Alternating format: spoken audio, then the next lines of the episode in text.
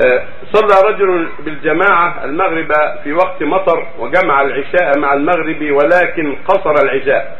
وذلك عن عدم معرفته بصفة الجمع. وبعد يوم ذلك علمت بهذا فقلت لهم أعيدوا صلاتكم. هل أنا مخطئ في هذا؟ أنت مصيب.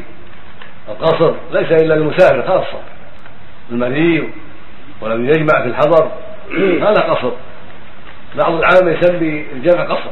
القصر كون يصلي الأربع تنتهي هذا القصر أما جمع الظهر إلى العصر والمغرب إلى العشاء يسمى جمعا ما يسمى قصرا. ضم العصر إلى الظهر في المطر والمرض.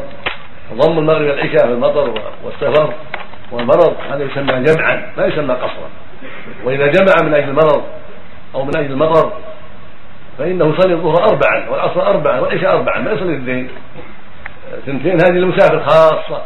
ما هنا يصلي ثنتين إلى مسافر. السفر خاصة. أما المريض في البلد أو في المطر حال المطر أو الدحر هذا يصلي أربع. إذا جاء من المغرب والعشاء صلى المغرب ثلاثا والعشاء أربعا. هذا في إجماع أهل العلم ليس في خلاف أهل العلم.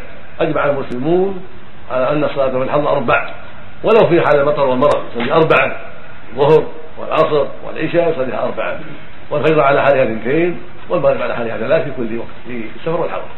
والذي صلوا الذي صلوا العشاء اثنتين بسبب المطر وهم في الحضر وفي البلد هذا قد غلطوا غلطا قبيحا باجماع المسلمين وعنه ان يعيدوا صلاة العشاء ان يعيدوها إذا طال الفصل.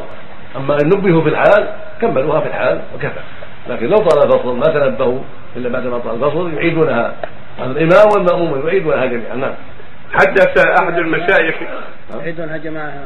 انت يختار جماعة هو أفضل ولا كل يعيدها في بيت؟ وانت يختار جماعة